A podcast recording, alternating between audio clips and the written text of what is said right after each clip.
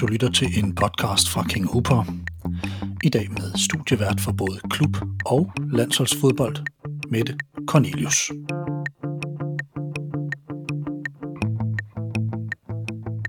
Mette Cornelius blev ganske tidligt betaget af fodbold, da hun i barndomsbyen Roskilde sammen med familien fulgte de lokale helte på Grønsværen.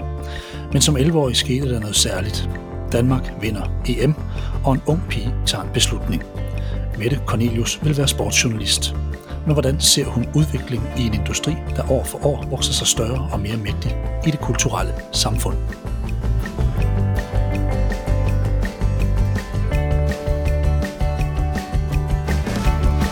Mette Cornelius, velkommen her til en King Huber podcast. Tak skal du have. Mette, du er inviteret hen til mig i dag, da jeg mener, du er en af landets absolut bedste sportsværter overhovedet. Altid skarp, professionel og ordentlig. Du blev Danmarks første kvindelige anchorman på landsholdet, og din evne til at lede savligt og kompetent før, under og efter en begivenhed, den er i min optik uforlignelig. Derfor sidder hun, du, du, du her i dag med det.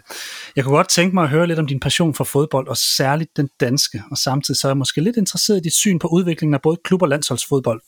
Og så kan vi måske lige nå lidt forbi det netop afståede EM her. Men med det allerførst, som lille pige, der blev du i Roskilde, tror jeg, fascineret af en sport, som særligt tiltrækker mænd, som kaster umådelig energi efter det her. Hvad tiltræk dig ved fodbolden som barn? For er det ikke rigtigt, du blev slæbt med til lidt arrangementer? Jo, det er rigtigt. Øh, først vil jeg lige sige tak for en meget, meget flot præsentation. Øh, jeg er noget, der både smiler og nærmest rødme undervejs. Så det var en god start, Nå, synes jeg. Ja, godt. så er vi i gang. Kan du fortsætte? ja, præcis. Øh, ja, altså, jeg vil sige, at det jo var ufrivilligt i sin tid, at jeg blev hævet ind i, øh, i sådan hele hvad kan man sige, sfæren omkring øh, fodbold, øh, fordi jeg kom øh, ud af en familie, hvor min morfar øh, tog til fodbold nede i Roskilde Idrætspark. Øh, ja, hver weekend har det selvfølgelig ikke været, det føltes sådan, men det har jo været, når de har spillet på hjemmebane, øh, som RB06, som, øh, som FC Roskilde hed dengang, eller mm. dem, der nu er gået med i FC Roskilde, har været det længe. Øhm, så der var, og, og han havde ligesom, øh, han havde en søn, min onkel, som også tog ned med sine tre drenge, og så var øh, min mor øh, og min mormor og min bror og jeg øh, også med. Så på den måde var det sådan ligesom en, det, det blev jo nok sådan en familietradition, eller det var det jo nok allerede inden jeg opdagede det. Øhm, mm. At man tog ned og så RB06, min, min fædre og bror spillede også dernede og sådan. Så det var ligesom bare stedet, man var om søndagen. Øhm, og i starten var det sådan noget med, at mig og mine små fædre løb rundt og samlede, eller jævnaldrende fædre løb rundt og samlede kapsler. Øh, og hvis man så afleverede dem, øh, en bunke af dem inde i kiosken, så kunne, jeg kan ikke engang huske, hvad man fik, om man fik et stykke slik eller et eller andet. Men det var ligesom der, øh, attraktionen startede. øh, og så udviklede det sig jo selvfølgelig øh, med tiden. Øh, for, for, for jeg tror ikke, at jeg sådan af mig selv var draget af det. Jeg kan i hvert fald, et af de første minder, jeg har, det er, øh, at min bror og far sidder og ser fodbold på fjernsynet. Og det lige før, ej, jeg skulle til at sige, det var sort-hvid, det har det nok ikke været, men det var i hvert fald dårlige farver dengang. Ah, du er yngre end mig, så, så det var det ikke. Nej, nej det tænker jeg også. øh, men, men, øh, og jeg synes, det var irriterende, fordi det, tog, det var noget, der tog lang tid, og tog deres opmærksomhed i lang tid. Men, men, men det, at jeg kom ned til øh, fodbold øh, live øh, så ofte, gjorde jo, at den der stemning, den ligesom åd sig ind på mig. Øh, jeg elskede at være dernede. Jeg, jeg har en, i mine barndomserindringer var det altid solskinsvær og varmt, når vi var dernede. Det er måske ikke helt det hele. Sådan var sommerne jo. Ja, eller også så var det bare hele året, det var sådan. Det føltes ja. sådan i hvert fald. Men, men øh, så det var hele stemningen, og det der med, det var de samme mennesker, man mødte hver gang, og de kendte jo min morfar og, og min onkel, og sådan, altså så, så det der med at være en del af et fællesskab på en eller anden måde, øhm, og den der hyggelige dimension, der var, det var jo, øh, det var jo ikke øh, det højeste niveau, øh, de spillede på. Så det gav selvfølgelig også den der familieudflugt øh, og, og meget sådan tilbagelænethed måde at gå til fodbold på. Men altså for mig voksede det så til sidst i virkeligheden, da jeg gik i gymnasiet, der, der, der kunne jeg sidde dernede alene om søndagen. Øh, og min bror gad ikke længere nødvendigvis, han, han var fem år ældre og havde måske nogle andre interesser på det tidspunkt, eller skulle sove ja. et eller andet ud. Mine fædre var der øh, måske, måske ikke, så stødte jeg på dem, og sådan, men, men så blev det noget, jeg egentlig bare tog ned til, at hvis nogen ville med dem, så tog de med, eller også så sad jeg bare alene dernede, og så, øh, så fodbold om søndagen. Så, så, så ja, det er sået i mig, og så er det groet, og så er det vokset, og så er det blevet en del af mig, tror jeg, man kan sige.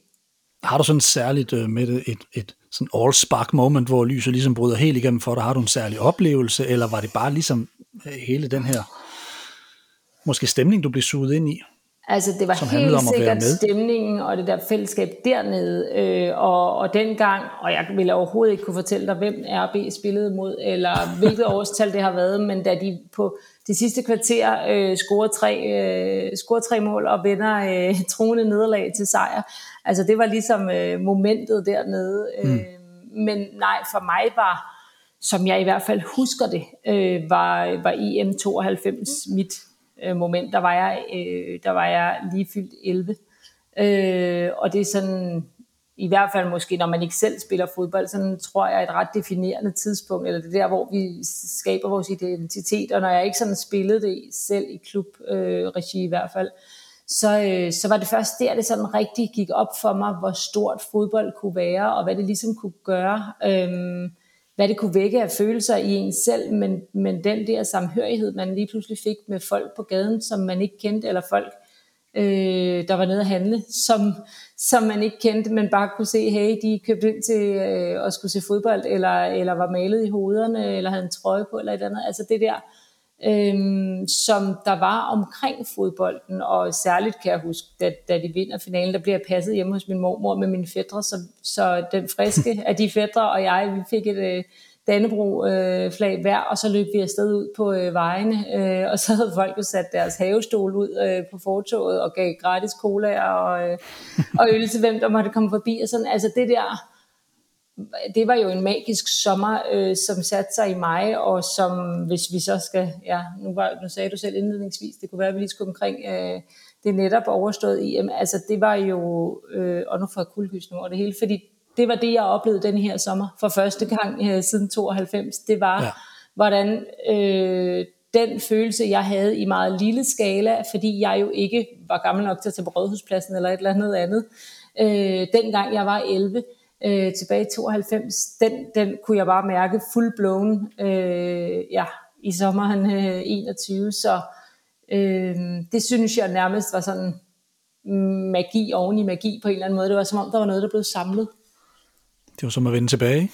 ja, der var et eller andet, øh, ja. og det der med også at få lov til at, at mine børn er faktisk ikke særlig interesseret i fodbold, men, men, men øh, alligevel, at de, de, det gik også op for dem, altså, øh, okay, det her, hvad pokker er det, der sker, okay, så vil de egentlig gerne have en landsholdstrøje på, og ja. de kunne godt se, at der var et eller andet fællesskab, så det, så det vækkede noget i dem også, og det var ret fedt at se. Øh, mm. Min datter er for eksempel 10, ikke? altså det er jo stort set, hvor jeg selv var øh, ja. på det tidspunkt. Øh, mm. Ja, så, så det var, øh, det var nogle ret fine streger, der blev trukket øh, sådan øh, hen over mange år. Og jeg tror, lige, lige præcis den der hjemslutrunde, den, den, den vender vi lige lidt tilbage til, men jeg tænker faktisk, når jeg har siddet og regnet på det, jeg har også siddet og læst lidt op på det med det, øhm, jeg tror som 11-årig, der går du vel i en sådan 5. 6. klasse-agtig. Ja, det er vel meget Og er det korrekt, at du faktisk allerede der beslutter dig for at ville være sportsjournalist? Ja, øh, ja, jeg er faktisk selv i tvivl om, hvor, hvor gammel jeg har været, da jeg har, da jeg har sagt det, men ifølge både ja, familie og, og min mors gamle kollega og sådan noget, som jeg efterfølgende har mødt og har krydset veje med som voksen, hvor jeg er blevet sportsjournalist, så sagde de, du var jo ingen alder dengang, du sagde det. Jeg tror mm. selv, ja, jeg tror selv, jeg har været omkring 11. Jeg, efter EM, der, der kom jeg hver eneste gang, det overhovedet var muligt, tog jeg til de der træne, landsholdstræninger i Vedbæk når landsholdet var samlet øh, i Danmark. Øh, og jeg havde faktisk ingen veninder, der syntes, det, at det der fodbold var super fedt. Øh, så det var sådan noget med at lokke veninder med mig til, øh, til Vedbæk fra Roskilde, og det er altså ikke bare sådan lige... Øh, det, det kræver alligevel lidt rejseri. Men, øh, men så tog jeg, fik jeg dem med op og tog billeder i et væk. Altså hold kæft for et dårligt billeder, når man ser dem i dag. Men billeder af Flemming Poulsen øh, og hvem der ellers defilerede forbi. Men der er klart overflod af Flemming Poulsen. Okay. Øh, fra den gang, jeg tager ikke så mange billeder af ham i dag. Øh, men, øh, Ej, I arbejder også sammen. ja, præcis. Men øh, ja, altså, og dengang, så, jeg kunne godt regne ud, jeg kan ikke blive en del af det der, fordi især dengang var der jo ikke noget, der hed øh, kvindefodbold på, altså i hvert fald ikke i mit, i mit hoved, og, og nok heller ikke i mit families bevidsthed, altså på et niveau, hvor du kunne drive det nogen steder hen. Så derfor så var det noget, jeg kunne få lov til at se på, øh, hvis, hvis jeg ville i nærheden af noget landsholdsfodbold. Og, øh, og så tænkte jeg, okay, så skal jeg jo arbejde med det. Altså, jeg, ved, jeg var helt besat af det, så det skal bare være, du ved, jeg skal bare have så meget med det at gøre som muligt. Så mm. må jeg blive sportsjournalist, eller jeg må blive pressechef for landsholdet. Det var ligesom de to muligheder, jeg så for mig. okay. og der er trods alt flere, der bliver sportsjournalister, så, så det, det var ja. den nemmeste vej af de to, ja. Hvilke drømme havde du sådan med det, da du satte dig de her mål? Var det, var det sådan, altså, var det fodbolden, eller, var, altså, eller kunne du også se dig selv dække en anden sport? Fordi nu, nu, nu vender du jo meget fodbolden, men, men din, dit mål var jo egentlig sportsjournalist. Ja, det er og jeg rigtigt. ved også godt, at du lige har hygget dig gevaldigt til et OL her. Ja, men... det, må jeg, det må jeg sige. Nej, altså det var klart fodbolden, der fik ja. mig på de tanker. Øhm, men jeg vil sige, øh, i 93 slår øh, damehåndbolden jo igennem øh, det første VM til Danmark øh, i hvert fald i min tid, jeg ved ikke om der har været nogen i, gamle dage også, men, men øh, hvor der lige pludselig kommer en kæmpe hype og bølge omkring kvindehåndbold øh, landsholdet, øh, de jernhårde ladies, øh, så dem blev jeg også fuldstændig bidag, og, og herrehåndbolden også, sådan, så det blev egentlig, det startede med, øh, ja det startede i EM 92, men så, så gik der jo hvad, halvanden måned, en måned, så var der OL 92, hvor det var Jesper Bank og Brian Nielsen, og, altså hvor der skete, hvor der var mit sportshjerte øh, hjerte ligesom blevet åbnet, og så ja. kommer håndbolden så og tager mig med videre, så jeg vil sige, fodbolden og håndbolden var ligesom min, min primære, øh, ja, så, øh, men, men skulle jeg vælge noget, så til hver en tid havde, til hver en tid havde det været fodbolden. Ja. Mette, har det været hårdt at skulle arbejde sig frem til en toppost inden for sportsjournalistikken, for det er ret begrænset med de her hovedværtsroller på fodboldkanaler, for eksempel? Mm, nej, jeg synes ikke, det har været hårdt. Altså, jeg synes, det har været, jeg har været, jeg har været heldig. Jeg har selvfølgelig også, altså, du er ikke bare heldig, du skal også have et andet med dig. Så jeg har været heldig og dygtig, men, men jeg, har, øh, jeg har også været det, det rigtige sted på det rigtige tidspunkt, hvis man kan sige det. Mm. Jeg, altså det, der i virkeligheden blev, blev, tror jeg, altafgørende for mig, var dengang, øh, når man læser journalistik, så skal man jo i øh, et års øh, journalistikpraktik, kan du kalde det. Og der, øh, dengang jeg søgte, der måtte man søge fem pladser, øh, og øh, der søgte jeg...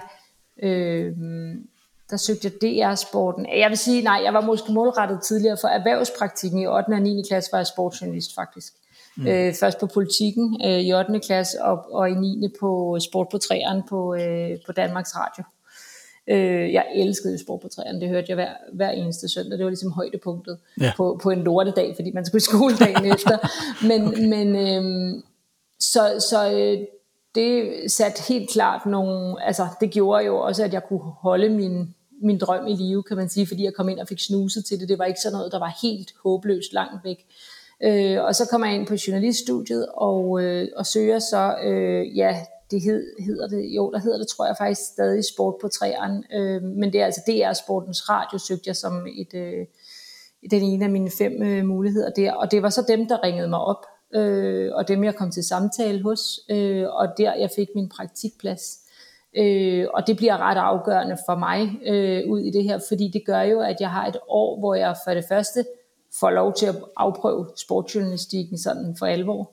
Øh, og, og det er også sådan en helt vild, helt vildt fed praktikplads, fordi man får lov til alle mulige roller, altså fra at være nyhedsvært til, eller du starter selvfølgelig som reporter, men nyhedsvært eller producer på Sport på træeren, øh, alle mulige ting, sidde og være håndbold live reporter, sidde til en pokalrunde øh, fodbolden, hvor jeg sådan lidt, åh, jeg skal ikke komme til at fodbold, for jeg synes ikke, jeg var taktisk dygtig nok. Nå, men der er mange, I sidder du ved, der var syv kampe i gang den aften, eller otte, eller et eller andet, så du sidder der jo sammen med de andre, det skal du ikke være bange for, som praktikantvejleder. Og så sidder jeg som den eneste med en forlænget spilletid, så der var det ligesom mig og, øh, og ikke andre, der var tilbage rapporter, så der fik jeg alligevel skulle snakket meget fodbold, men jeg havde på en eller anden måde noget æresfrygt øh, for det. Men, men, men det satte jo øh, nogle spor for mig, fordi det er, jo, det er jo den måde, jeg kommer ud i miljøet første gang, altså sådan kommer ud i miljøet og ikke bare står og tager billeder, men, men kommer ud og, og laver interviews og møder kilder og, og får nogle snakke derude og øh, bliver heldigvis lagt mærke til af, af kollegaer, øh, der, der så, øh, hvad kan man sige, nævner mig, da jeg er ved at være færdig med min uddannelse i efteråret 2006, sidder jeg og laver min bacheloropgave, da, øh, da Anders Bay, som skulle til at være øh, chef på TV3, øh, eller det hed Viasat Sport dengang, øh, da han ringer til mig og siger, at vi skal bruge en ny sidelinjereporter til januar, øh, om jeg var frisk på det. Mm. Øh, så, og det var jo ikke sket, hvis, hvis ikke jeg havde haft en praktikplads, kan man sige. Det er fordi, der er nogen der, der har, der har opdaget mig. Øh, og, og så, øh, ja, så, så greb jeg selvfølgelig den dagen efter, jeg blev færdig med min, eller afleveret min bachelor, så startede jeg på øh, Viasat. Øh, og der startede jeg egentlig bare som sidelinjereporter, og sådan også reporter, der tog ud og lavede, lavede indslag øh, til onsite, og så, øh, så, blev, så gik Camilla Martin på barsel efter, ja det kan jeg ikke huske, et par år, et halvandet år måske har jeg været der på det tidspunkt, øh, hvor jeg så fik, øh, fik øh, lov til at prøve et halvt år øh, som, øh, som hendes øh, barselsvikar sammen med Peter Palshøj på onsite, Øh, og da jeg var færdig med det, blev jeg så tilbudt, øh, at jeg var vært, eller at jeg skulle være vores sådan, hovedvært på Superliga-dækningen øh, om søndagen, som var to timers optakt, hvor jeg så også selv skulle være redaktør i løbet af ugen.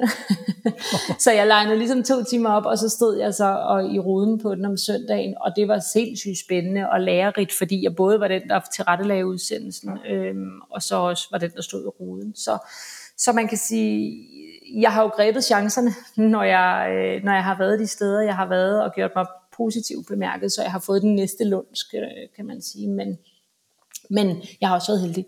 Mm.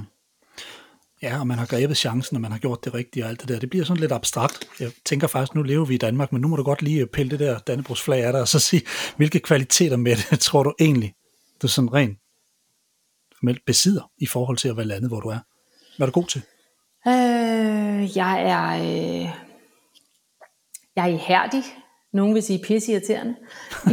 det er jo alt efter om det her, om det er en, øh, om man er på sammenhold eller på, på modstanderens, men, mm. men jeg har en drivkraft, og jeg er dårlig til at, til at slukke øh, for fodbolden eller for idéerne inde i mit hoved. Så det vil sige, at øh, man kan sige, når man så får børn, så, så giver det sig selv, at så er det færre øh, tidspunkter, at du tænker det på, eller, eller hvad kan man sige, der, der kommer noget distraktion i, i form af nogle børn, der også kræver dit nærvær. Men mm. jeg, jeg, altså mine idéer kommer på alle tider af døgnet, og på den måde er jeg på en eller anden måde hele tiden i, i udvikling, skulle jeg til at sige, i, i, sådan, ja, i idéudvikling i hvert fald. Øhm, og øh, så, så jeg idéudvikler meget, eller jeg, jeg, har, jeg har for mange idéer, og jeg er sådan meget øh, på, hvis man kan sige det. Og det er der nogle redaktører, der gennem tiden har synes var skide irriterende, når jeg får en idé her 11 om aftenen. Men, men det er sådan det, og jeg øh, på en eller anden måde, at der kommer et eller andet, øh, der bliver vækket til live op i mit hoved typisk. Øhm, og så, jamen, så synes jeg selv, at jeg er god til at mærke stemninger, og er god til at skabe stemninger, altså skabe god stemning. Og det vil sige, at, at den person, jeg sidder over for, om det er i et interview, vi bonder, eller om det er en live situation, så synes jeg, jeg er god til at skabe et eller andet trygt rum for den, som, øh, som øh, er, øh, er interviewperson. Mm. Øhm, og det vil også sige, at nogle gange har jeg, altså, og det kan jo være, øh, det er næsten lige om det er et, et interview, hvor, hvor øh, interviewpersonen har noget på spil, altså på negativ vis, eller, eller, øh, på, eller om det er et positivt interview, øh, et sårbart interview, så, så synes jeg, at jeg er god til at få dem til at føle sig tilpasse, eller fornemme, hvordan skal jeg stille det her spørgsmål for at, ja, for at det rammer ham på den rigtige måde. Jeg, jeg synes, jeg er god til at fornemme det menneske, der står for mig, og så øh, læse situationen, og, og ja, få, få det bedste ud af det, hvis man kan sige det sådan, uanset mm. om det er en ubehagelig situation, vedkommende står i, eller om det er det modsatte. Så det er nok og, nogle af de ting, jeg selv vil fremhæve. Ja, og jeg vil give dig 100% ret, det har jeg set tonsvis af gange, det er også derfor, jeg inviteret dig her som en af dem, jeg aller, allerhelst vil, vil tale med omkring det her med, med, med dækning af fodbold, men, men jeg har så også set dig en gang imellem stå med, altså, jeg husker jo tydeligt et, øh, et interview med Flemming Poulsen og, og Glenn Ridersholm, øh, jeg tror på Aarhus Stadion, hvor hvor Flemming i hvert fald går til stålet på Glenn, og hvor det ligesom bliver en, en halvubehagelig samtale. Hvordan har du med at stå i sådan noget, hvor du måske egentlig ikke har en aktie i det, men på en eller anden måde alligevel er du tovholder? Øh, hvordan er de situationer? Øhm, jamen, de er, jeg er blevet bedre til at stå i dem, vil jeg sige, øh, fordi jeg også, når jeg er på, at jeg også i en eller anden grad et kontrolmenneske, øh, mere end jeg er i det daglige. Øhm, og hvis du er det, så vil du godt i en eller anden grad have styr på dit interview. Jeg har som regel øh, i løbet af en kamp, det her, jeg tror, at Glenn var efter en kamp, hvis I kan huske helt galt. Ja, det er rigtigt. Øh, ja, øh, og i løbet af en kamp, så, så øh, finder vi ud af, hvem vil vi have i studiet, og så begynder jeg sådan at skrive nogle ting ned, jeg, altså nogle temaer ned, jeg gerne vil omkring med det her øh, menneske, og sådan en, en rækkefølge på de temaer. Men når der så sker det, som, og, og det er jo fedt, fordi det er jo det, der er fed tv, det er, når, når eksperten lige pludselig har noget på hjerte, og går ind og stiller altså bliver en aktiv person, og ikke bare en, jeg slår en bold hen på en gang imellem. Øh, så de overtager i virkeligheden interviewet. Og der kan der jo ske hvad som helst. Øh, og der tror jeg at tidligere, jeg har haft en, en øh, der har jeg haft den der følelse af, åh, jeg vil gerne have det tilbage på sporet. Ja. nu, åh, nu går det ud af en tangent, der skulle vi ikke hen, fordi så jeg vil jo også nå herhen. Men hvor jeg kan mærke, at, at øh, det er jeg blevet bedre til at være i, og tænke, okay, nu må vi bare se, hvad der sker, og hvor det forsvinder hen. Og så, øh, og så jeg, bliver jeg på en eller anden måde sådan en form for, uden jeg ved, om det er det rigtige ord at bruge, sådan en mediator, altså en, der sådan stadig skal prøve at sørge for, at der er en god stemning, øh, men måske lige skal, at de skal have lov til at, øh, at føle hinanden lidt på tænderne. Øh, mm. Men det er også mig, der skal sørge for, at vi kan komme tilbage igen. Ja. og vi kan komme videre. Øh, så det er igen meget den der, øh, at bruge den der løjet, jeg står med, og fornemme stemning, og okay, mm. hvordan, hvordan kommer jeg så, øh, hvordan bringer jeg os øh, positivt videre herfra? Øh, det kan godt være et kritisk interview, men vi skal stadig helst slutte af på en måde, hvor man smiler til hinanden, når man, øh, når man er gået i skærmen, og ikke sådan en eller anden, der, øh, der vandrer ud af studiet uden at vil øh, sige farvel. Mm. Så, så, øh, men, det, men det er udfordrende, og jeg vil sige, sådan en mand som øh, Ståle Solbakken har jo altid været en kæmpe udfordring, fordi du ved ikke, hvad han kommer med, øh, og hvad der trigger ham, og øh, nogle gange forstod du heller ikke helt, hvad han sagde, men, men øh, det gjorde jeg trods alt det meste af tiden. Men, øh, men, men, men de der, der kommer ind, og det samme faktisk med Alexander Zorniger, de der, der kommer ind, som du ikke kan læse nødvendigvis, det er, det er udfordrende, men det er også det, der gør det sjovt, fordi ellers så vil det også bare blive kedeligt tv, hvis jeg ved, hvad de svarer på det her spørgsmål. Mm. Ståle kunne også levere et show, vil jeg så sige. Men, ja. øh, og, øh, jeg, jeg har siddet med ham i en af mine podcasts her, det var heldigvis i fredstid, det var jeg glad for, at jeg ikke stod i min sko der. Men Flemming og Glenn, der vil jeg sige, der var du stærkt med det men jeg husker ikke, at Glenn gik smilende derfra, men, men det, det må vi så lade være usagt. Hvad Nej, det? Det, kan, det kan jeg heldigvis ikke huske. Nej. Så jeg, jeg er heldigvis også god til at fortrænge nogle gange. ja, det er nemlig det. Mette, du har været både på TV3, som sagt, og så din nuværende arbejdsplads Discovery, som står bag, bag Kanal 5, Kanal 9 og så videre. Du har på et tidspunkt udtalt, at det var meget individuelt arbejde, der prægede din tid på TV3, mens Discovery, det føltes som et team at komme ind i. Er det korrekt, og kan du uddybe det? Øh, ja, altså jeg skiftede jo, der er jo faktisk en mellemregning øh, på tre år alligevel, fordi jeg skifter jo, øh, mens jeg er på barsel faktisk, i øh, 2011 skifter jeg til Kanal 9. Altså Kanal 9 var jo en selvstændig opstartet kanal i sin tid øh, som ikke havde noget med Discovery og det, der hedder SBS at gøre. Øhm, det var et produktionsselskab, så der starter jeg med at komme over. Det er min gamle chef, Anders Bay, der hentede mig til TV3, som så var øh, startet op der som chef, og øh, et år senere henter han mig så der øh, over. Så, så det er egentlig der, jeg kommer ind på sådan et, et pionerprojekt, fordi dengang Kanal 9 starter, er det jo, hvor de har øh, 10.000 seere om ugen, eller sådan noget. Ja, det var der, de gik højt, tror jeg.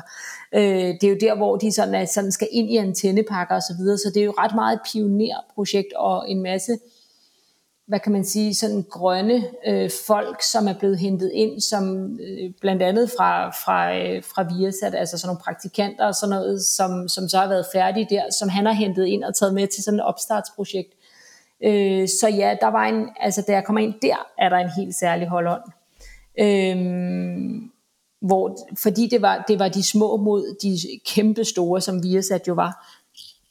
Og der, øh, der var der en stor kulturforskel. Øh, og den kultur, der herskede på Kanal 9 dengang, øh, jeg vil sige, det var mere pioner og, og sådan, øh, den der, øh, hvor man sad øh, ved samme bord alle sammen, som om vi var sådan en, ja, nyopstartet virksomhed, var vi jo selvfølgelig, så, så, øh, men sådan, ja, det var sådan en helt særlig øh, ånd, der var der, og der rykker jeg jo så tre år senere ind på øh, SBS øh, Discovery, som det hed dengang, øh, og bliver landsholdsvært, og så året efter, øh, får vi så også Superliga og køber faktisk øh, Kanal 9 op. Så på den måde bliver jeg så kollegaer med min gamle kollega igen. Ja, mm. det er en mm. lidt omvej, men bare for at sige, at det er kontrasten, jeg oplever fra TV3 til da jeg rykker ind øh, under min bar, eller lige da jeg er færdig med min barsel på, på det, der hed Kanal 9 dengang, som, som var en kæmpe forskel. Øh, og det tror jeg rigtig meget handlede om, at det var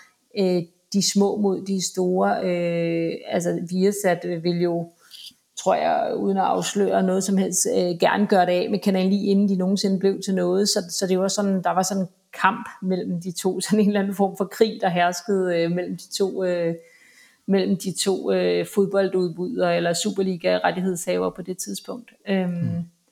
og, og der var ikke andet for, end hvis man vil øh, frem og, og vokse og blive store, øh, som Kanal 9 ville dengang, jamen så, altså vi havde ikke de ressourcer, som vi har sat havde. Så, øh, så det krævede øh, knofedt, og det krævede, at vi i den grad øh, var et team, der bare løb sindssygt langt øh, øh, sammen og hver for sig for at få det her til at komme sådan rigtig op og flyve. Øh, og, det, øh, og det synes jeg lykkedes. Øh, men, men det havde vi ikke kun, hvis, hvis vi ikke, hvad kan man sige, arbejdede sammen om det. Hmm. Og, der, og, det og det behøvede man ikke jo på Viasat, for Viasat var jo etableret, og, og der handlede det jo mere om, der tror jeg mere, det handlede om, at alle gerne ville have den fedeste lunch i virkeligheden. Øh, man vil gerne have øh, selvfølgelig de fedeste opgaver, det vil man de fleste steder, men, men, øh, men de havde også mange fede opgaver, så på den måde var, var, det, var, det, et, var det en helt anden virkelighed, end, end den jeg kom til på, på Kanal 9. Mm. I får også fat i landsholdsfodbold, når du bliver som sagt en anchor woman. du, du får i hvert fald landsholdsdækningen øh, med, og pludselig står du midt blandt de her landsholdskoryfærer og kommenterer det hele, følger landsholdet og er meget, meget tæt på noget af det, som du har drømt om hele dit liv. Hvordan var den følelse, da man pludselig stod der? Var det bare jamen, toppen det var, af bjerget? Jamen det var sådan, øh, jamen altså det er sjovt, fordi jeg er jo, jeg er jo sådan en menneske, der ikke sådan, i hvert fald, ja, på nogen måde vil jeg sige, men, men slet ikke karrieremæssigt sætter mig mål. Altså jo, da jeg var barn, ville jeg gerne være sportsjournalist, men det er ligesom det mål, jeg har haft. Jeg, jeg, er, mm. ikke, jeg er ikke sådan en planlægger. jeg er Nej. der, hvor maven fortæller mig, jeg skal være.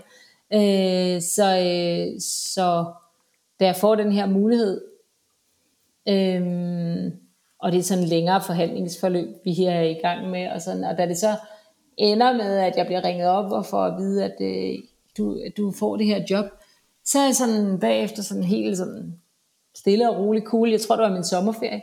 Og min mand, han står bare sådan, sådan så, så kigger han bare på mig, og så siger han, altså, ved du godt, hvor kæmpe stort det her er? Og så sådan, mm, altså det er som om, det går op for mig faktisk, at jeg ikke mm. sådan helt fatter det, fordi, ja det ved jeg ikke nok, fordi man er så langt inde i det selv også, ja. så, øh, så, så det, det er noget andet, når man kigger på det udefra, men det var meget fedt, der var en, der sagde det til mig, fordi øh, fordi så kunne jeg egentlig godt tillade mig at være sådan ekstra glad og være sådan stolt af det, jeg havde opnået. Ja. I stedet for bare sådan, som jeg er med det meste, tager tingene meget stille og roligt. Mm. Øh, men, men der gav han mig lige et spark og gjorde mig opmærksom på, at det var faktisk lidt af en uh, achievement uh, at opnå den der. Så, og så vil jeg sige, altså at komme til at arbejde med, med Frank Arnesen og, og Brian Laudrup, øh, ja. Nå, men det var kæmpestort. Altså, jeg jo, jeg havde ikke, jeg var, hvad var jeg, fem år i 86, så Frank Arnesen har aldrig sådan rigtig øh, haft en betydning for mig, fordi jeg kan ikke huske ham som aktiv. Jeg kender hans navn, men, men kun af, at andre har snakket om ham. Øh, men, men et kæmpe, altså en kæmpe legende, og simpelthen verdens sødeste og mest behagelige menneske. Mm. Øh, så, så det gjorde jo også, at øh, det at lave landskampe var, udover at det var landskampe og det ypperste, og, og, og det sted, jeg altid havde drømt om at være, øh, så det at få lov at stå og arbejde med sådan en mand som ham, sådan nogle kapaciteter, som, som dem jeg havde omkring mig, det var, det var ret sindssygt, og det var ret privilegeret. Mm. I har også med det Superligaen på det her tidspunkt, og du har faktisk udtalt, at der er nogle punkter, eller der er nogle punkter, hvor der er forskel på journalistikken, når man ser på for eksempel Superliga-dækningen de to steder.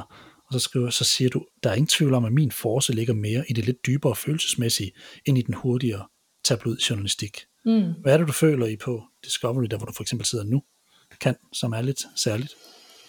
som til gode ser måske det, du er rigtig god til? Jamen altså, jeg synes jo, at vi, altså, det er, øh, vi, vi har, så længe jeg har været en del af det, har vi gerne ville, hvad kan man sige, ind bag overfladen, øh, ned under overfladen øh, og ind bag kulisserne øh, og vise noget af det, øh, enten hos den enkelte øh, udøver øh, og deres personlighed, altså komme ind bag der, og ikke bare øh, vise det, der lige sker på overfladen af ham, eller den reaktion, som enten er kontroversiel eller vild, eller et eller andet andet. Mm. Øh, og så har vi gerne vil ind bag kulisserne i klubberne, så ligesom komme derind, hvor man ikke tidligere har været. Øh, og det har vi jo øh, lykkedes med, øh, blandt andet i vores øh, backstage-dokumentarer, øh, dem der nu har kørt nogle stykker af, øh, både Randers AGF og, og Midtjylland. Øh, det er jo den del af det, der hedder det indre liv, hvor vi godt ligesom vil ja, ind og vise noget af det fodbolden også er, som vi ikke ser, når vi går på stadion. Øh, min force ligger i det her med at fortælle menneskehistorier, altså at få mennesker til at åbne sig op. Øhm, og, og, og, og være andet end bare fodboldspilleren, øh, eller vise hvem de er, når de ikke øh, nødvendigvis er fodboldspilleren, eller komme ind bag. Det kan lige så godt være at komme ind bag en, hvad kan man sige, en eller anden opfattelse, der er af en fodboldspiller. Jeg kan for eksempel huske øh, Morten Olsen i, var det i 15 eller sådan noget, kritisere Christian Eriksen. Det var helt uhørt, fordi det havde vi andre gjort masser af gange, det havde han, han aldrig gjort. Mm. Øh, og så gør han det på et tidspunkt, ja, det må have været der omkring, øh, hvor, han, hvor han har en anden kritik efter nogle landskampe, hvor jeg så kontakter Christian og siger, altså, kunne du ikke tænke dig at faktisk fortælle, hvordan du har det med, når, de her, når du hører de her ting og sådan. Og der tog jeg, tog jeg så over til London og besøgte ham og, og hans kæreste, øh, mm. Sabrina. Og, og, så, øh, og så sagde han faktisk, altså for ham, nogle fine ting, fordi Christian er jo ikke et kontroversielt menneske, så han, det er ikke bull og brag, men alligevel fik han sat nogle ord på, det, der sker, skete ind i ham, når han hørte de her ting fra en landstræner, som altid har bakket ham op. Og, og det der med at komme ind bag, eller da Victor, øh, da Victor Fischer siger pattebørn om, øh, om holdet efter en landskamp, hvor jeg tog og besøgte ham i Middlesbrough, øh, og prøve at blive klog på, hvad er det for et menneske, der... Fordi han fik sindssygt meget røg for at sige pattebørn, men jeg, mm. jeg vil mm. hellere finde ud af, hvad er det, altså, hvad er det der ligger bag øh, sådan en udtalelse? Hvorfor, hvad er, hvordan er han som menneske? Fordi jeg, jeg tror bare, jeg synes, der er mange aspekter af fodbolden. Jeg synes, psykologien øh, bag, det enkelte, bag den enkelte fodboldspiller, men også selve den sportspsykologi, der foregår øh, i præstationssammenhæng eller i relationerne, der er i en truppe. Sådan noget synes jeg er super spændende. Øh, og, og det synes jeg, når vi kommer ind og bliver klogere på det enkelte individ, så, øh, så forstår du også nogle gange fodboldspilleren lidt bedre. Mm. Og noget, det du er inde på her, det er faktisk sådan, det ligger sig lidt op af det næste spørgsmål, jeg har til dig, fordi fodbolddækning, den er jo intensiveret voldsomt gennem de senere år her. Der er kampe fra flere ligaer tilgængeligt nærmest dagligt. Dit speciale, det har altid været dansk fodbold med det, så det holder vi os lige til. Men føler du, det går den rigtige vej med udviklingen af dansk fodbold, set i sådan kvalitetsmæssigt lys i forhold til dækningen? Fordi I er jo for eksempel inde og lave sådan noget som det her, men er der for lidt af det, for eksempel det, I tilbyder her? Går vi, mm. Altså kommer vi lidt for let hen over det? Bliver det bare kampe og så de her standard interviews bagefter, hvor nogle kanaler går efter at få et skænderi nogle gange, og andre kanaler lidt mere lødige, eller hvordan det nu, nu fungerer? Altså jeg altså, tænker jo faktisk... Savner du lidt? Det er, jo, det, det, er jo, det er jo vildt svært for mig at svare på, fordi jeg er inde i øh, miljøet, og at jeg er jo part. Øh, så, så jeg synes jo, at vores måde at gøre det på, at den er den, der passer mig bedst. Øh, det er jo også derfor, jeg er, hvor jeg er. Men, men jeg tænker jo, at der er, øh, altså at det måske er meget godt, der er den spændvidde, som der er. Mm. Fordi vi er jo også forskellige som ser, øh, ja. hvad det er, vi gerne vil have. Nogle vil gerne have øh, de lange øh, dybe interviews om øh, ham, der har haft depression, eller, eller hvad, hvad ved jeg, har nogle familiemæssige årsager til, at han ikke præsterer, eller hvad det måtte være. Nogle synes, de her ting er spændende, andre synes simpelthen, det bliver for følsomt og for, altså, for langt væk fra fodbolden, og, og vil måske hellere øh, det hurtigere, det mere tabloid, øh, eller, eller, eller, eller det mere taktiske. Altså, der er også nogen, der bare gerne vil ned i taktikkassen jo. Ja. Øh, så, så på den måde tænker jeg jo, at, at spændviden øh, hos os rettighedshavere måske er meget fin, som den er. Øh, hvis, hvis vi lavede præcis det samme, mm, det tror jeg måske ville blive for kedeligt. Så, så, så, så, så nej, egentlig ikke, men om jeg savner noget, det synes jeg er svært at sige, fordi jeg jo netop er en øh, del af det. Jeg synes nogle gange, at, der er, at, det, bliver, at det bliver for, at vi udfordrer kilderne for lidt efter sådan nogle, øh, altså sådan nogle interviews, der ligger lige omkring kampe. Mm. Øh, det, det kan jeg godt nogle gange blive lidt træt af at høre på øh, nogle steder. Øh, og så vil jeg også sige, at jeg har selv været sidelinje reporter. Alle sidelinje reporter kan have øh, gode og dårlige dage.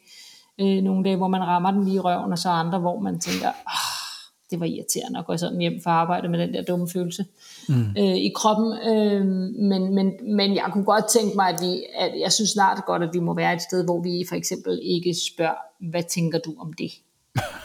efter, lige efter en kamp, fordi det, altså, så kan alle jo, så kan vi jo bare have en robot, der stiller sig og stiller det spørgsmål. Det spørgsmål stillede jeg faktisk øh, på et tidspunkt TV2's øh, sports, øh, sportschef Christian Hylgaard, i ja. forhold til, øh, at man indimellem har en tendens til, i hvert fald nogle journalister på sidelinjen, at komme med en konstatering. I bag med tre ved halvleg og så bliver der stille. tænker var det et spørgsmål, eller hvad var det? Ja. Øh, så det er det her med, Nå, det er den der for mig, man har haft en hel halvleg til at stå og, og gruble ja, over. og, der, og der er det jo vigtigt for mig, øh, nu spurgte du tidligere til, hvad jeg er god til. Altså, jeg er god til at gøre mig umage. Mm. Øh, og tænke mig om. Øh, der kan jo selvfølgelig, kan jeg også i momentet stille et spørgsmål, oh, der kommer ud af det blå, men, men, men jeg møder ikke uforberedt ind til et interview efter en kamp, fordi jeg har haft kampen til at tænke mig om. Mm. Øh, også at udfordre den, jeg står for. Så det der med at sige, øh, ja, I tabte øh, 0-4, øh, hvad tænker du om det? Det er sådan lidt, oh, men, ja, det er en klassiker. Ja, det, er bare, det synes jeg bare ikke er godt nok. Øh, og, det, og det savner jeg engang mellem nogle steder. Øh, men altså, ja. Ja. Nu nævnte du radiosporten tidligere med det. Ja. Jeg kan godt lige tænke mig bare lige hurtigt at komme omkring, fordi, altså, eller, det ved jeg ikke helt, men, men jeg husker den jo meget, meget tydeligt, hvor alle kampe i den bedste række blev spillet samtidig. Næsten. Det var sådan intensivt og højdramatisk, og vi blev sådan kastet frem og tilbage mellem stadions, hvor ja, jeg husker jo stemmer som Henrik Brandt og Jens Jørgen Brink og så videre, der drev søndagen frem for mig, og det lyder som om, at du har haft den samme oplevelse. Ja. Kan du som sportsjournalist se fordele eller ulemper ved det her med, at vi nu spreder tingene ud, så hver kamp kan følges tæt? Altså, er du opmærksom på, om publikum egentlig kan mættes af fodbold? Altså, hmm, det synes jeg er lidt svært. Øh, den er jo svær, fordi jeg igen, vi er rettighedshaver, så vi har jo nogle, nogle, øh, vi har nogle præferencer her. Men jeg vil mm. sige, at øh, det var fedt som, som radiolytter, ja, men som seer, ja. hvis, jeg, ja, hvis jeg følger et hold, er det sikkert fint. Men hvis man som jeg bare er altså, glad for Superligaen, så vil jeg jo gerne se så meget som muligt.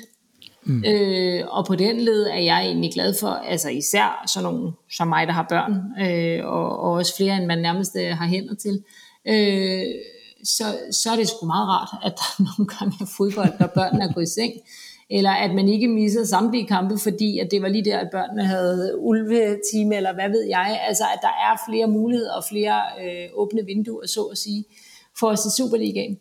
Øh, så jeg er nok den forkerte at spørge i forhold til, om det ville være fedt, at alle sammen spillede øh, søndag kl. 15 igen, fordi, fordi det, synes, det synes jeg ikke, men jeg, må, men jeg vil til gengæld medgive, at når vi står der med de sidste runder i, i sæsonen, og alle spiller der, så er det da super fedt, men, men jeg tror også bare, at det er det federe, fordi at vi står på det tidspunkt, og fordi at det er sjældent, at alle spiller på samme tid. Mm. Fordi der, den spænding er der jo ikke øh, en hel sæson igennem. Altså i, i, i runde syv er der for eksempel jo ikke fuldstændig knald på, om, om øh, Randers øh, slår, øh, hvad ved jeg, Sønderjyske, eller om det bliver OB, der vinder over OB. Altså det, der, der er der jo ikke den samme ting på spil, så øh, ja, det, det passer mig fint øh, mm. som fodboldseer, men selvfølgelig også som professionel, sådan som det er nu. Ja. Jeg skulle bare lige se, om jeg kunne lokke romantikeren frem i det. det kunne Nej, men hvis jeg kun hørte sport på træerne stadig, og det var min ene kilde til, eneste kilde til Superliga, så ville jeg have det ligesom dig. Jeg savner jo et sport på træerne, vil Ja. Hvad er det med det der for dig, at gøre dansk fodbold så specielt? For du er ikke, som, du har ikke helt den samme sidren omkring det internationale som det danske, er det ikke korrekt? At jeg er slet ikke sammensidret. Øh, altså, jamen, Superliga og, Superliga og landsholdsfodbold er for mig noget særligt, fordi at, at det er det nære, og fordi at det er øh, dem, vi kan identificere os med. Det er i princippet dem, vi kan møde nede i brusen. Øh, og, det er, og, det er, øh, og det er noget, du kan komme tæt på. Øh, det, det er sådan jordnært, og det passer nok meget godt til, hvordan jeg er som menneske. Øh, jeg har svært ved at identificere sig med øh, Cristiano Ronaldo for eksempel. Øh, det, det, det, det siger mig slet ikke noget. Og Kasper Marker, min ekstremt gode kollega, han elsker Cristiano Ronaldo. Jeg kan slet ikke forstå det. Nej, øh, fordi at han er, altså for mig er, kunne han lige så godt bare være for en anden galakse. Øh, men, men, men lad os sige, øh, hvis jeg støder på, øh, og nu ved jeg godt, vi snakker en, der ikke spiller længere, hvis jeg støder på Bayram Fetai, som jeg jo, øh, da jeg lige havde født min, min første datter, sidder på Rigshospitalet, på, da hun er en dag gammel og sidder og ammer hende, så står Bayram Fetai lige pludselig ved siden af mig og siger, Nå, okay, åh, du er blevet mor, nå, hvor hun sød og tillykke, og sådan noget. Der spillede han stadig dengang, ikke? Men det der med, at, at, at de er, altså, at de er derude i, i vores samfund, at vi kan møde dem hister her, og, øh, og at vi kan gå, gå ud og hæppe på, den, på dem på søndag, hvis vi vil. Øh, altså, der, der er bare noget andet for mig. Øh, ja, for jeg tænker lidt om det der med at være tæt på de udøvende for dig som journalist. Altså, hvis du var Champions League vært eller et eller andet den stil, så var du aldrig i nærheden. Altså, her har du decideret folk, du kan få i studiet til en, en snak om. Ja, og jeg har også været ude og dække Champions League, og, det, og, og selvom det er storslået, og det er stjerner og så videre, så er det bare ikke... Jo, altså det er da fedt sådan at prøve det øh, mm. fordi det er så savnomspundet, men, men, men det gør bare ikke det samme for mig, som, øh, som at stå øh, med en eller anden øh, afgørende Superliga-kamp for eksempel, øh, mellem to fede hold i, i vores øh, slutspil, eller, eller at stå til en øh, landskamp med danske landsholdsspillere. Øh, det, det er noget helt, helt øh, andet, fordi at jeg har øh, i, i forhold til landsholdet følelser øh, følelsesmæssige aktier i det øh, mm. i høj grad. Øh, og øh, jamen altså, det er jo forskelligt, hvad det er, vi, vi, vi hver især kan lide fodbold for. Men for mig handler det rigtig, rigtig meget om følelser. Øh, det, det vækker i mig. Øh, og det måske kommer det af, at jeg kom ned i Roskilde Idrætspark og kunne se og høre og Øh, vi sad og sang om øh, sommer, sommer og solen, og Jesper Sommer han var på banen, og altså sådan nogle, men du kunne også møde Jesper Sommer øh, ude på stranden dagen efter osv. Øh, altså jeg tror, der ligger bare nogle forskellige præferencer øh, i det for os selvfølgelig. Mm. Øh, og der er jeg bare, øh, jeg ved ikke, hvad hedder sådan noget, nostalgiker, øh, romantiker, et eller andet. Mm. Jeg, jeg, jeg ser stort set aldrig Champions League. Nej. Men du har også nok andet at se til. jo jo, men, men, men, men, men det, det gør jeg ikke. Altså det, det siger mig ikke særlig meget, også selvom jeg, øh, at alle børn i mirakuløs sover. Øh, mm. så, øh, så ser jeg det faktisk sjældent. Men den her klubfodbold i, land, øh, altså i Danmark, den lever også sundere og sundere, den dækning, som I har, I har provided os med gennem de her år. Altså vi, vi, vi kan jo følge alle holdene, og fanbaserne vokser bare, det, det, det, det kan vi tydeligt se. Men det samme, altså for lige at vende tilbage til det landshold, fordi det kunne jeg egentlig godt tænke mig at dreje lidt over i nu her, frem mod slutningen af det her. Øhm, landsholdet, der, der, der skete altså også noget nu her. En netop overstået EM-slutrunde, den satte jo fuldstændig ild i Danmark med alt fra nærdødsoplevelser til champagnefodbold og masser af mål. Fik du set med det alle danske kampe, og hvad synes du om det, du så? Ja, for fanden. Øh, undskyld, jeg bander. Ja, altså, jeg, jeg fyldte jo 40 den 12. juni, øh, og, havde, øh, og havde dækket op til den store øh, fodboldfest øh, i vores sommerhus havefest, hvor vennerne de kom fra klokken 3 eller et eller andet, og så klokken 6 skulle vi sidde til Danmark-Finland, øh, og der var pyntet op, og det hele. Og så, øh, og så, og så skete der noget forfærdeligt på fodboldbanen, og så, øh, så var det, det som om, dag? ja, så var det som om, der var en fest, der blev punkteret, må man sige. Øh, og, og ingen kunne sådan set feste øh, et par timer, øh, før, vi, før, før vi havde fået vidshed for, hvordan øh, Christian Eriksen havde det igen. Det var godt nok en syret oplevelse. Øh, ja. Og så blev det en anden fest, vil jeg sige. så blev det så blev det noget med at sidde og rafle og snakke til langt ud på natten og drikke sig fuld på den måde, ikke? i stedet for at danse på bordene. Men, så øh, det var jo alt det modsatte af, hvad vi havde drømt om, den der start, øh, Danmark fik. Øh, altså så langt ud, som man nærmest kunne forestille sig. Øh, og så derfra skete der vel bare et eller andet, øh, altså det er nærmest sådan, lidt ligesom, at vi er kommet ud af den her coronatørke, og bare havde brug for fællesskabet, så det der, det, der sker med Christian Eriksen i første kamp, gør også bare, at vi, det ved jeg ikke, vi bliver ikke nulstillet, vi røver nærmest ned under gulvbrædderne alle sammen, og på den måde, så den eufori, der kommer, da Danmark så begynder at, og, øh, for det første kommer tilbage altså, til Belgien-kampen, men også begynder at præstere, øh, det gjorde de også spillemæssigt, men også resultatmæssigt begynder at præstere. Altså det tror jeg bare gjorde, at den der øh, snebold øh, fik lavine øh, styrke i en grad, som, som vi måske jeg ved ikke, om vi havde oplevet det uden Christian Eriksens øh, kollaps først, men, men, men det gjorde jo, at vi på en eller anden måde gik fra helvede til, til himmel. Altså, det var, ja, altså det lyder voldsomt og absurd måske også, øh, og, og, og sammenligne det med, men der var jo sådan lidt eventyr. Øh, man mm. kunne i hvert fald godt se tilbage, man kunne godt se sådan til skrue tiden 20 år frem, og så sige, det der, det var eventyret, ikke fordi det startede så... Øh, så tragisk, og så gik det bare fuldstændig op i øh, en højere enhed. Jeg synes, det var magisk. Jeg var heldigvis, jeg var så heldig at være inde og se både kampen mod Belgien og mod, øh, og mod Rusland. Jeg, og jeg har snart set nogle landskampe live øh, med Danmark. De der to. Åh, altså ja. jeg kan stadig ikke sige det uden at blive berørt. Det var, det var det vildeste, jeg nogensinde har oplevet på hver sin måde. Mm.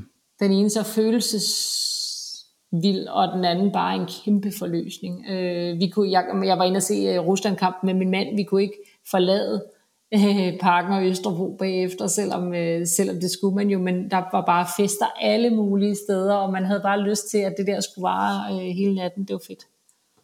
Jeg tror, Andreas Christensens mål mod Rusland er det mest forløsende mål, jeg har set. Sådan jeg, jeg ved ikke, hvad det var, der, der skete et eller andet der. Og vi stod ved siden af en russisk kvinde, som, havde, som, som stod med sit flag helt alene, der hvor, vi, der, der hvor vi sad, og som bare insisterede, indtil Danmark begyndte at score altså på at stå og brede det der flag ud, så vi stort set ikke kunne se øh, noget den ene vej på banen, og øh, stå og synge og sådan bag den russiske bænk. Det var godt nok, øh, det var en speciel oplevelse. Hun blev stillet, da, da de danske mål begyndte at flyve ind. Hmm. Men det var en rutsjetur det her med det, og, og generelt så alle de følelser, det genererede, hvad, hvad, det, var, det var naturligvis berettiget, men, men vi, vi gik ikke hele vejen, men det vil vel blive en turnering, der vil huskes for nærmest det samme, som havde vi taget et trofæ, eller hvad? Ja, altså øh, følelsesmæssigt, øh, bare du siger det, kan jeg jo stadig mærke det helt nede i stortåen. Øh, følelsesmæssigt var det her jo var det her jo en kæmpe slutrunde. Øh, og, og præstationsmæssigt synes jeg det også, især på, på den måde, vi starter. Øh, og, og, og der bliver jo, vi bliver jo på en eller anden måde nogle moralske vinder af den der turnering. Øh, også fordi, at, at Christian Eriksen, som, som vi som vi må sige farvel til, heldigvis kun på fodboldbanen undervejs, øh, er så vældig en figur på tværs af øh, jo, fodbold Europa. Øh, så det gjorde jo også noget, den der samlende ja, øh, medfølelse, eller den der sådan, medfølelse, der var på tværs af alle lande, gav det også noget ekstra. Ikke? Øh, men, men ja, og så, og, så, og så er jeg jo stadig af den overbevisning, at, øh, at England kom til deres øh, finaleplads på lidt øh, uværdig vis. Der er jeg ikke, det, det er jeg ikke stor nok til at... Øh, det har jeg ikke stor nok til at give fra mig endnu. Jeg ved godt, at de præstationsmæssigt var bedre, men øh, jeg bryder mig ikke rigtig om måden, det skete på det. Nej. Gjorde det noget for dig med det, at der Christian falder om, at det faktisk er en spiller, du har været meget tæt på, som du har besøgt, og du har stået i familiens hjem og så videre? Mm. Eller lægger det, man så det... noget lidt fra sig undervejs, når man egentlig er journalist, at man egentlig har været tæt på nogle folk? Altså, jeg tror,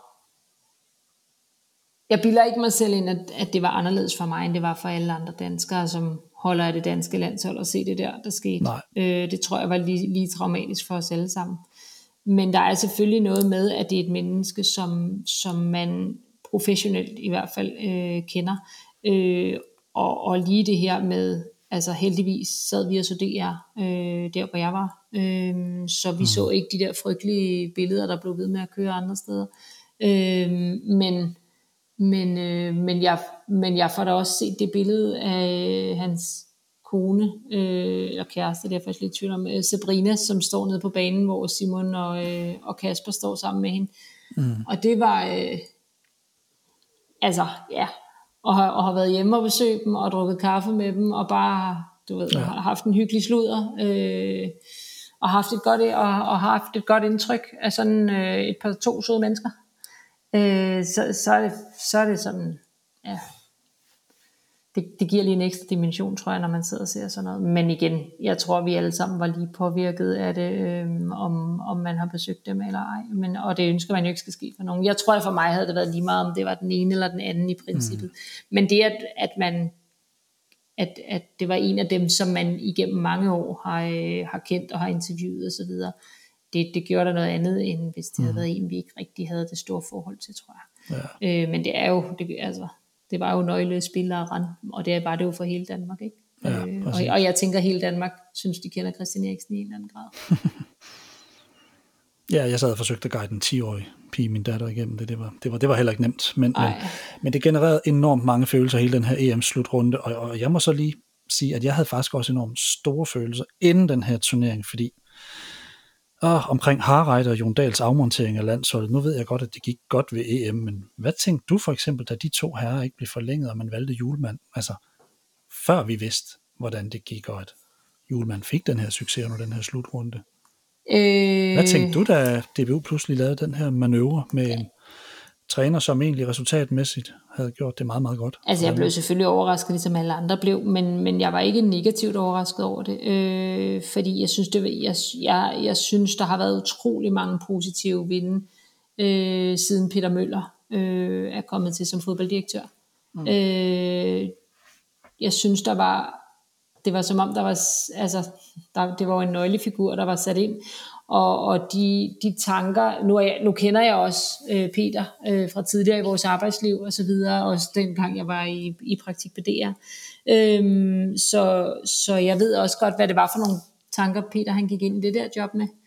Øh, og, øh, og jeg synes, det lød som en spændende fremtid. Øh, jeg har, dengang jeg gik ind og blev landsholdsvært, der håbede jeg, at vi ligesom i vores dækning ville opleve eller kunne være med til at, at bringe befolkningen og, og landsholdet tættere på hinanden, blandt andet med at lave de her sådan dybere interviews, hvor jeg var, jeg var blandt andet nede at besøge øh, Pierre Emil Højbjerg, meget ung i Bayern München, mm. øh, hvor han sagde, altså det er et af de vildeste interviews, jeg nogensinde har lavet, som rørte mig dybt der, hvor hans far øh, var død kort tid forinden, og sådan, altså det, han var simpelthen så fin, øh, fint et menneske, øh, bag den der øh, spiller, man bare også kunne fornemme havde øh, noget ekstraordinært over sig. Og, øh, og, der, og der håbede jeg dengang, at vi ville kunne være med til at, at få styrket det der bånd mellem øh, befolkningen og, øh, og landsholdet igen, som, som jeg huskede det fra dengang jeg var barn. Øhm, så, så, så på den måde, da, da Peter han kommer ind i DBU, Peter Møller kommer ind i DBU, der, øh, der er jeg fuldstændig med ham på, hvad det er, han vil, fordi det var også det, han gik derind for. Og, og, det, og der kunne jeg bare også rigtig godt se Kasper Julemand øh, passe ind i det projekt mere end en, og det kunne så være hvem som helst. Her var det så Åke Harreide, men en nordmand, øh, som alt andet lige ikke kommer med det samme, øh, hvad kan man sige, øh, ikke kommer med den samme øh, nationale øh, bagage, som, som vi danskere gør. Øh, så, så nej, det var ikke noget, jeg var jeg var ikke ked af, at det skete. Øh, jeg synes, det var, en, det var nogle skøre omstændigheder, for det er jo sjældent, vi ser, at det sker et år før overtagelse og så videre. Ja, præcis. Men, øh, og, jeg kan, og jeg har et fint forhold til Åke, jeg er stadig i kontakt med ham, øh, egentlig. Så, øh, så og stor respekt for det, han lavede med landsholdet, men jeg havde da heller ikke noget imod, hvis vi begyndte at få et landshold, der underholdt os mere, og øh, uden overhovedet at vide, om, om julemanden så rent fagligt var den rette, så øh, på det tidspunkt, så har det da vist sig, at det var meget godt set af Peter Møller umiddelbart. Mm. Og vi havde jo et landshold, der gik fra strække og vikarlandshold til hele den her EM-slutrunde, som bragte det hele på ret køl igen.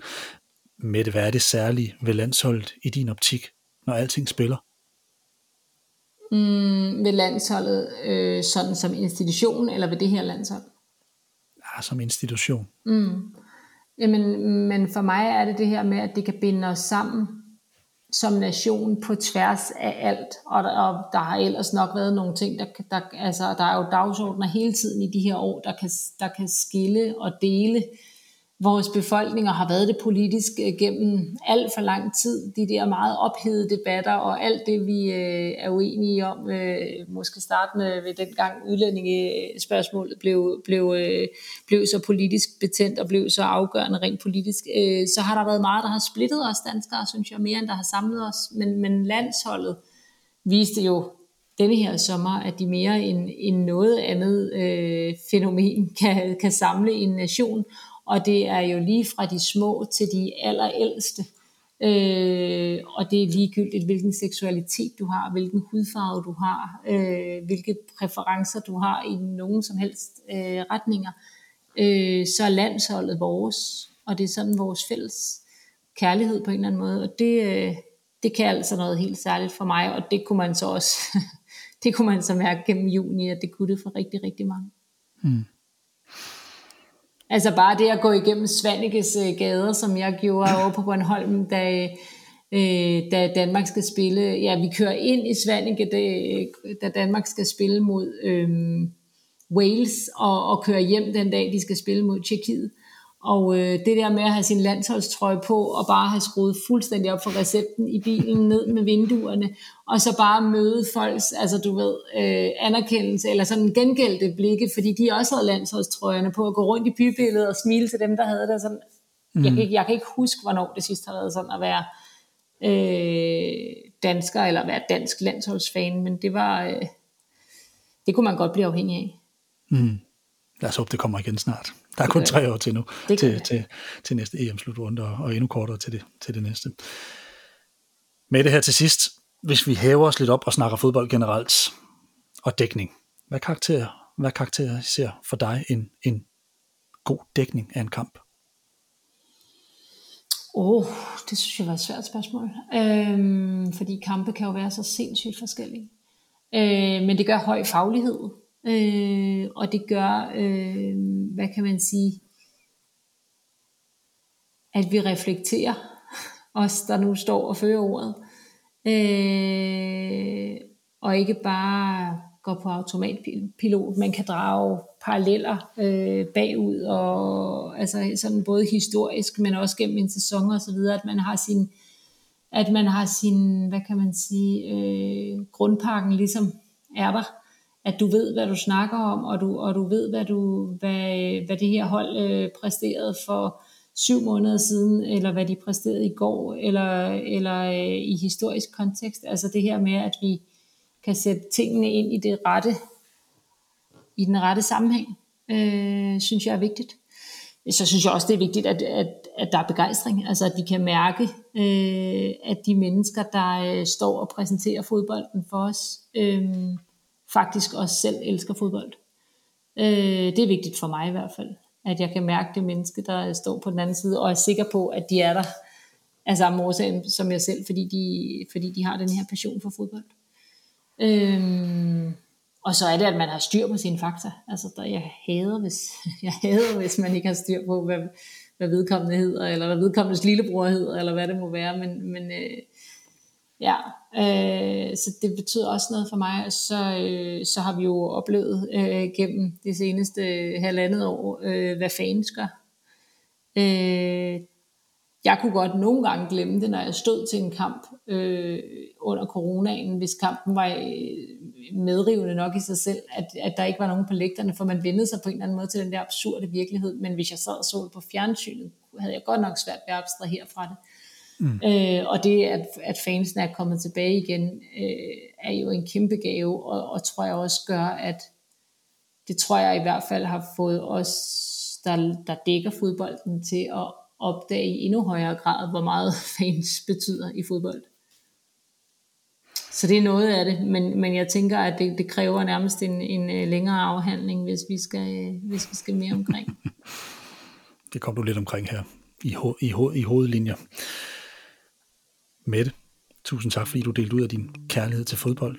Vi glæder os meget til at følge dig alle sammen og se dig tone frem på skærmen næste gang. Det har været en kæmpe fornøjelse. Tak fordi du blev med. Tusind tak, fordi jeg måtte. Husk, du kan finde artikler, blogs og podcasts på kinghuber.dk, og at du vil finde podcasten her i fremtiden. For teknikken stod Carsten Pedersen. Mit navn er Steffen Pedersen. Tak fordi du lyttede med.